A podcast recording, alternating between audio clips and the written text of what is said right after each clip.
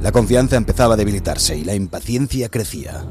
El tic-tac del reloj se volvía cada vez más apresurado. Fragmento del desierto de los tártaros de Dino Bussati, 1940. Planeta Tierra, primera mitad del siglo XXI. Si fuese una película, la voz en off diría Boston, Massachusetts.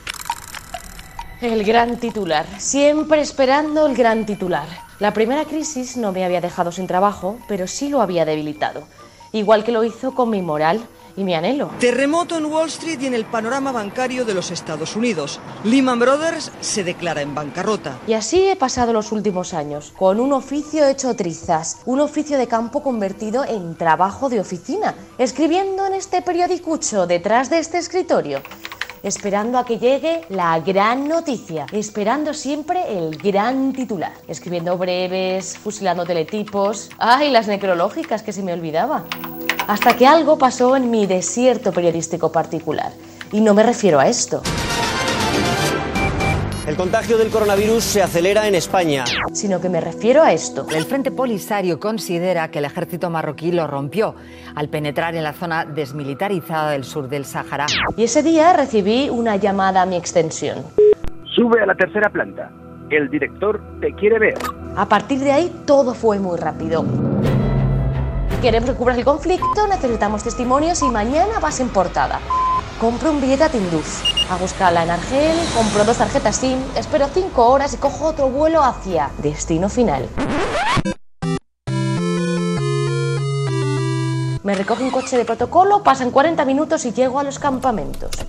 Y allí encuentro a mis tártaros, pero a los tártaros de mi interior. Cuando veo a estos jóvenes empujándose uno al otro para subir a los vehículos militares, para ir al campo de batalla, mi pensamiento, mi cuerpo y mi mente vuelven a los 70 y 80. Me veo entre ellos, hoy con la rodilla ya con una amputación pero me veo ahí entre ellos, colgándome de los camiones para ir a mi sector y combatir al invasor. El que escuchan es Mohamed. Mohamed les parecerá un nombre muy típico, pero se llama así. Es la pura realidad.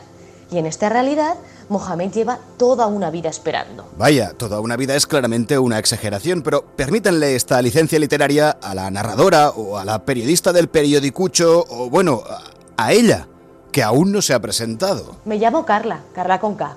¿Con K de kilo o con K de Kafka? Pues Carla con K de kilo o con K de Kafka. Encantados de conocerte. Dicho esto, seguimos. Aquí sí que no queremos hacer esperar a nadie. Me veo ahí entre esos jóvenes a mi edad de hoy. Mi mente se expande y vuelo no sobre la tierra, también sobre el tiempo.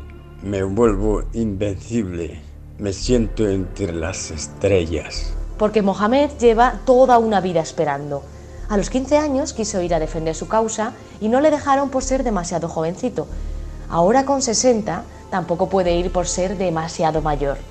Ha estado esperando toda su vida su gran noticia, su gran titular, esperando a sus tártaros y a sus tártaros interiores. Y en este momento, si estuviésemos dentro de una película, empezaría a llover porque este es el momento crucial, cuando se da la vuelta a la tortilla, cuando cambiamos de capítulo, cuando llegamos al momento del sprint final, la guinda del pastel, el giro narrativo, cuando en el cine suena el trueno.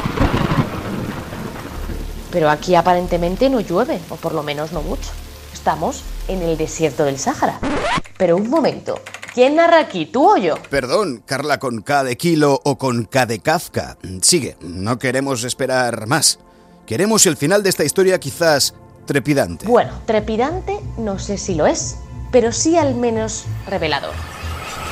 Salí de Sahaima después de entrevistar a Mohamed y miré hacia arriba, ese cielo, y pensé en Dino Busati que habría dicho algo como... La luna brilla alto en el cielo y parece que no tenga ganas de bajar nunca al amanecer. Gracias, voz en off intrometida.